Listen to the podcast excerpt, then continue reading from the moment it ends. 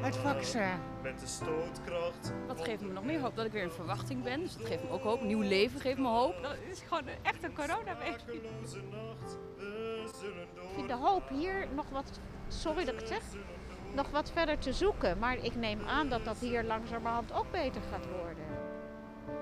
Wat je in ieder geval niet wil doen, is mensen valse hoop bieden. doorgaan. Met de wijvelende zekerheid om door te gaan. In een sprakeloze tijd. We zullen doorgaan. We zullen doorgaan. We zullen doorgaan. Tot we samen zijn. Dit is de derde aflevering in de podcastserie Hoop in tijden van corona. En vandaag ben ik in Amsterdam Oud-West.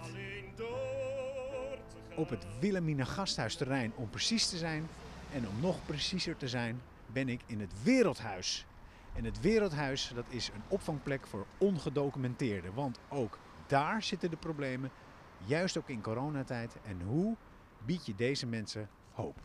Maar voordat ik ga praten met Geeske Hoving, die hier de leiding geeft, namens de Diaconie Evangelisch Lutherse Gemeente, ga ik nog even de straat op. Goedendag. Dag. Ik maak een podcast over hoop. Wat mensen hoop geeft in deze tijden. Wat geeft u hoop? Het vaccin. Ja, daar wacht ik op. Hoe oud bent u? Ik ben 64. Ik word 65 over drie weken. En ik hoor tot de risicogroep Waarom? vanwege eh, longkanker. Oei, wat erg. Hoe gaat het met u? Goed, Gelukkig. al in orde. En de prik, dat geeft u nog extra zekerheid, extra hoop? Ja, komt een eh, vrouw aanlopen met een heel klein kindje. Maar het kindje loopt wel. Hallo, mag ik u wat vragen? Terwijl u loopt of stilstaat. Hallo. Is dit uw kindje? ja, Hoe oud? Eh, een jaar, bijna twee, nee, anderhalf. Dapper aan het lopen al. Ja, zelf doen. Ik zie het, alles zelf doen. Alles zelf doen. Ik vraag aan mensen wat hen hoop geeft in deze tijd van corona. Nou, best wel veel eigenlijk.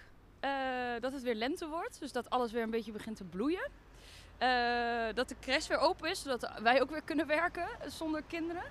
Dat, ehm, ja, wat geeft me nog meer hoop? Dat ik weer in verwachting ben, dus dat geeft me ook hoop. Nieuw leven geeft me hoop. Gefeliciteerd. Dankjewel dat mijn ouders eh, eh, ook eh, ehm, gezond zijn en dat de meesten gezond zijn. Dus uiteindelijk wel dat langzaam. En de, het perspectief van de vaccinaties geeft me ook hoop. Dus ehm, dat we weer de goede kant op gaan. Dat is een heleboel. Ja, ik ben, ik ben best een optimistisch mens. Dus, eh, of tenminste nu. Dus eh, ja. En jij zelf? Wat geeft jou hoop? Nou, een verhaal, eh, dat is een goede vraag. Wat mij hoop geeft. Ehm, uw verhaal geeft mij hoop. Want ik, ik ben op zoek naar, naar hoopgevende verhalen. Nou, nou bij deze. Ik ben, ehm, kijk uit naar wat allemaal gaat komen dit jaar. Ik maak een podcast over hoop. Ja. Wat mensen hoop biedt in deze tijd van corona. Mag ik dat ook aan u vragen? ja, ik word niet gezien hè? Nee, dit is alleen radio. Oké, prima. Ja, tuurlijk. Dat is fijn hè. Wat biedt u hoop? Nou, eh, voor mij is het een beetje anders. Ik woon in Israël. En eh, ik ben hier omdat mijn vader ziek is op dit moment. En eh, in Israël is al, ik geloof, 60, 70 procent van de mensen ingeënt. En gaat alles ook weer een beetje open. En dat geeft mij daar in het dagelijkse leven wel de meeste hoop. Ik moet u eerlijk bekennen dat hier in Amsterdam ik eh, vrij gechoqueerd ben hoe de situatie is. Het is allemaal dicht en het is allemaal. eh, nou, ik vind de hoop hier nog wat. Sorry dat ik het zeg. Nog wat verder te zoeken. Maar ik neem aan dat dat hier langzamerhand ook beter gaat worden. Niet zo snel als in Israël. Nee, niet zo snel als in Israël. En- Kampioen vaccineren. ja, nou ja, nou heb ik ook eh, mijn, eh, mijn eh, kritiek op Israël tussen ons gesproken. Maar daar gaan we het nu niet over hebben. Dus het is niet allemaal zo koek en ei. Maar is politiek denk ik ook. ja, politiek vooral. Maar nu over de prikken. Maar wat betreft de inenting merk ik wel dat ik me een stuk happier voel dat je toch bent ingeënt en filmhuizen gaan weer open en cafeetjes gaan langzaam. En heeft u het over Tel. Aviv, Jeruzalem? Jeruzalem? Ik woon in Jeruzalem. Maar hier in Nederland, ja, de hoop. Ik denk dat, het, dat, je, dat we nog wat geduld moeten hebben hier. Kwam komen twee dames aan, waarvan een met de kinderwagen. Ik ben benieuwd. Hallo, zou ik jullie wat mogen vragen? Ik ma- ja, ik maak een podcast en die heet Hoop in tijden van corona. Eh, mij geeft hoop dat er uiteindelijk alweer een wereld is na corona. Eh, dus dat je gewoon nu denk ik heel erg aan het onderzoeken bent van wat kun je erna gaan doen. Eh, en de dingen die je hebt, dus eigenlijk eh, veel meer in de natuur bent en terwijl in de stad leven. Dus ja, heel erg van de kleine dingen geniet en wel weer ziet dat we eruit komen. En Geniet je meer van de kleine dingen dan je daarvoor deed? Ja, dat denk ik wel. Ja, toen was het denk ik meer gehaast en was je altijd bezig met je agenda.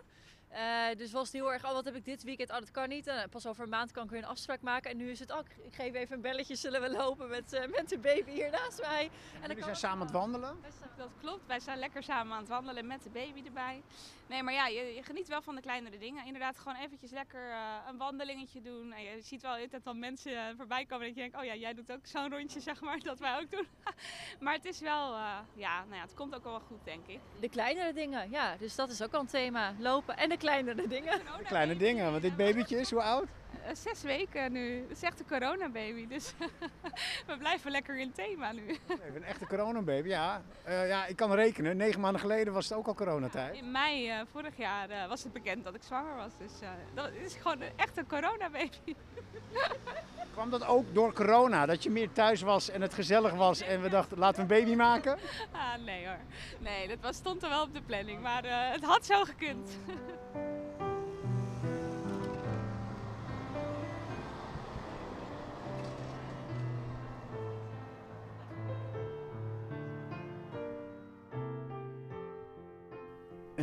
Is het tijd om het wereldhuis te betreden. En dat doe ik. Het ruikt er al lekker. Hallo. Nee, ik ben Armen van der Veen in ieder geval. Is dat Geeske? Ja, zoek ik. Hallo. Geeske, kan je laten zien wat jullie hier doen? We zijn een, eh, een dagopvang. We zijn hier in een ruimte waar 32 mensen kunnen zijn. Eh, om een beetje op adem te komen, om een warme maaltijd te genieten. Die wordt nu klaargemaakt hier in de keuken. Ik zie grote pannen daar, wat, eh wat rauwkost. Ja, rijst en ik ruik kip.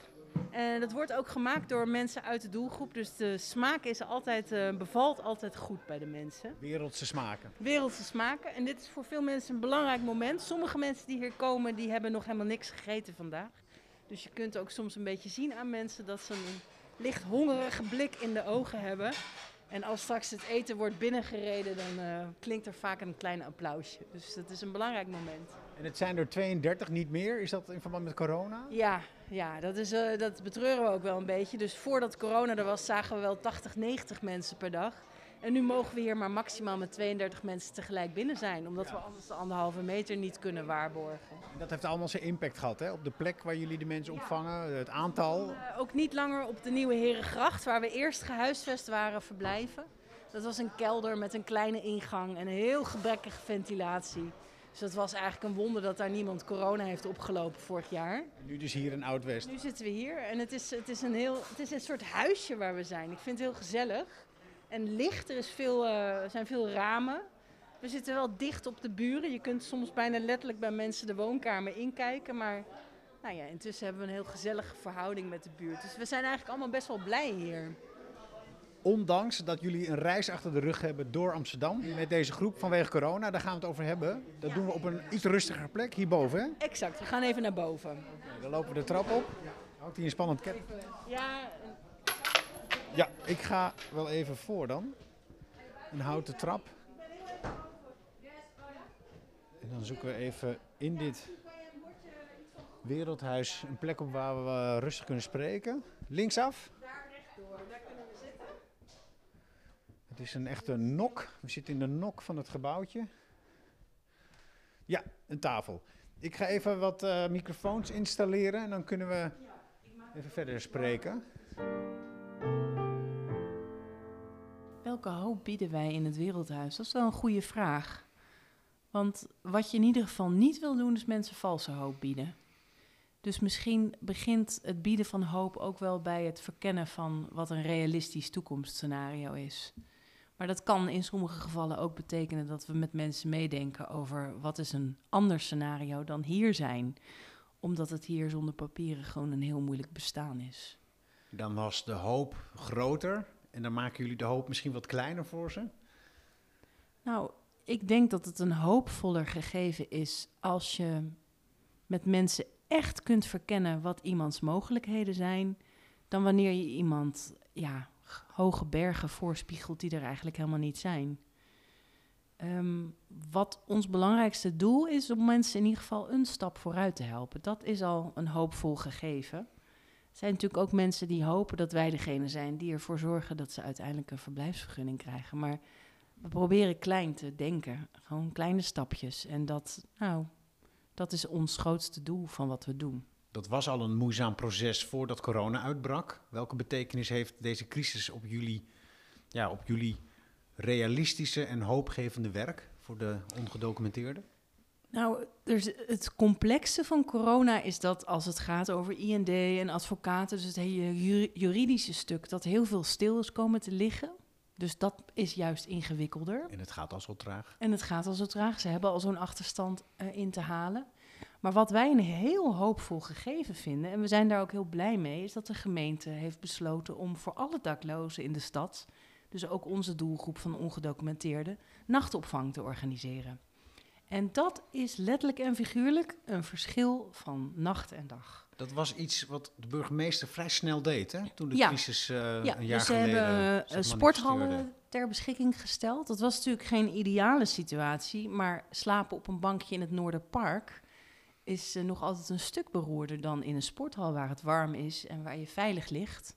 En we hebben echt gezien hoe dat mensen heeft doen opknappen. Want als je een bed hebt om op te slapen, kom je uit de overleefstand. En kun je dus ook iets realistischer over je toekomst nadenken. Dus dat is een positief aspect van de coronacrisis. Ja, en dat leidt dus tot de maffe situatie dat als ik naar een persconferentie kijk en ik hoor meneer Rutte zeggen: blijf zoveel mogelijk thuis, dat ik roep: yes, want dan weet ik dat de nachtopvang in ieder geval nog een tijdje open blijft. Maar als straks de avondklok wordt afgeschaft, regels worden versoepeld, dan zal onze groep daar dus eh, waarschijnlijk eh, in eerste instantie nadeel van ondervinden.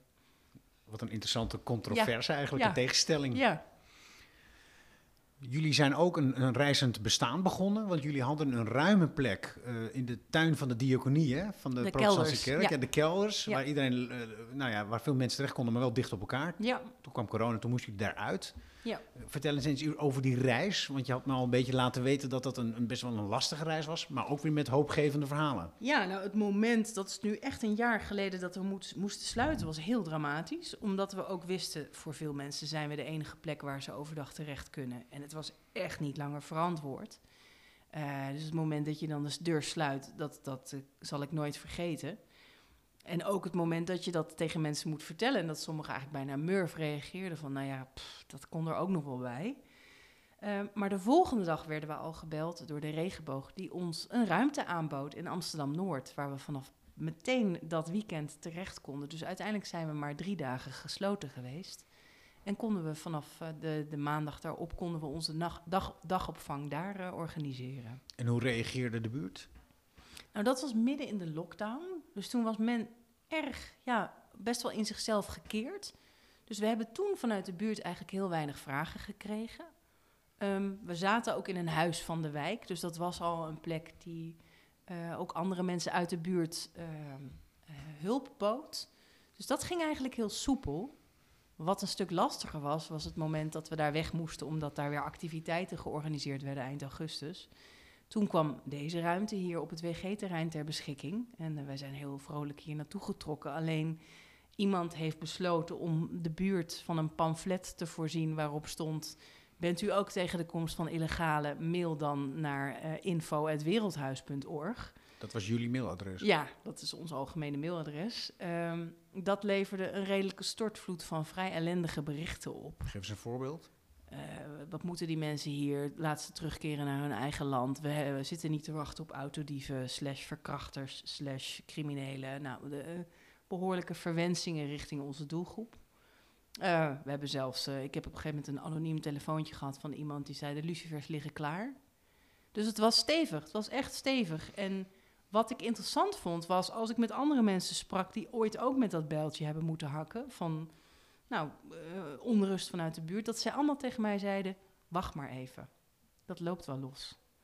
En eh, ik dacht dat in eerste instantie niet. Wat ik besloten heb, is om al die mails die we gekregen hadden persoonlijk te beantwoorden. En dat zo positief mogelijk te framen. Dus jij dacht niet, wacht maar even. Jij dacht, ik ga meteen met ze in gesprek. Ja, want ik dacht, zo'n pamflet en ons mailadres daarop, dat kan je ook positief draaien. Want het was wel daardoor een mogelijkheid tot contact. Het gesprek was geopend. Voilà. Ehm, het was niet zo'n leuk gesprek, maar door. ehm, het waren ook allemaal natuurlijk net andere mails. Hè, waar de een zei: Ik voel me niet gehoord in de beslissing. Zei de ander: Ik heb een hekel aan buitenlanders. En een derde zei: eh, eh, Hoe lang blijven jullie daar? Ik vind het op zich goed, maar ik wil weten wanneer jullie weer weg zijn. En je hebt ze allemaal een mailtje teruggestuurd. Ja, En wat waren de reacties daarop? Nou dat vond ik heel verrassend. Er zijn een aantal mensen die helemaal niet meer gereageerd hebben. Nou, so be it. Maar het, het, het gros, dus ik zal maar zeggen 80%, reageerde vervolgens al een stuk milder dan in het eerste bericht. Ik denk dat een aantal mensen misschien geschrokken waren dat er aan de andere kant van de lijn een persoon zat die daadwerkelijk hun bericht las. En dat daar gewoon eh, een gesprek mogelijk was. En wat ik ontdekte, al mailend en soms bellend, is dat er soms eh, eigenlijk vaak heel andere dingen achter de xenofobe uitspraken zaten. Namelijk, ik voel me niet gehoord, eh, ik voel me eenzaam, eh, ik ben bang. En op het moment dat het gesprek daarover ging, ontstond er echt een opening. En nu, om het kort samen te vatten, is de sfeer hier uitermate gezellig. Ook met de bewoners. Ook met de bewoners. Ook met die meneer, hè? Want we zitten bovenin en ik zie daar, daar een kippenhok. Dat is het kippenhok van Marco en Gonnie. Marco en Gonnie waren in eerste instantie zo boos over onze komst dat ze twee van mijn collega's letterlijk aangevlogen hebben toen die hier wat verhuisdozen naartoe brachten. Ehm, toen ik een mail van hen ontving, anoniem, maar daarin werd gerefereerd aan een kippenhok, kon ik vrij snel herleiden van wie de mail was. En op een gegeven moment zag ik ze bezig in hun tuintje. Toen dacht ik, ik kan twee dingen doen. Ik kan nu doorlopen eh, of ik ga er naartoe en ik ga de confrontatie aan. Dus toen heb ik dat laatste gedaan en gezegd, eh, hallo, een beetje Amsterdams accent opgezet. Eh, ik ben Geeske. Oh, van die mail. Nou, toen was er dus het begin van een gesprek. Toen moest ik eerst even van alles aanhoren over wat er allemaal niet deugde aan eh, vluchtelingen in dit land. Maar waar het vervolgens op neerkwam, was dat ze vooral heel erg verbolgen waren over het feit dat ze geen kerstboom hadden gekregen van de gemeente dit jaar. Hier op het plein. Ja, want dat is voor hen het hoogtepunt van het jaar, dat die kerstboom hier staat en dat ze met z'n allen gluwijn daar omheen kunnen drinken en chocomel. Want dat kwam door jullie. Dat was hun gedachte. Dus net voordat wij kwamen hadden ze een mail ontvangen van de gemeente eh, waarin dat werd gezegd, dat het niet doorging. En zij hadden geconcludeerd, Wereldhuis is eh, illegale, is moslims, is anti-kerst. Nou, toen die meneer dat zo vertelde, toen kon ik eigenlijk heel snel met een glimlach tegen hem zeggen... Marco, als dat het probleem is, dan zorg ik dat er met kerst een boom staat. En dan gaan we samen die boom versieren en kerst vieren. En dat is gebeurd? Dat is gebeurd.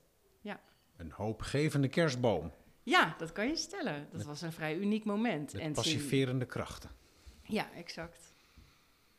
Is dat wat je dus moet doen als je ergens je moet manifesteren met een groep, dat je dus in gesprek gaat?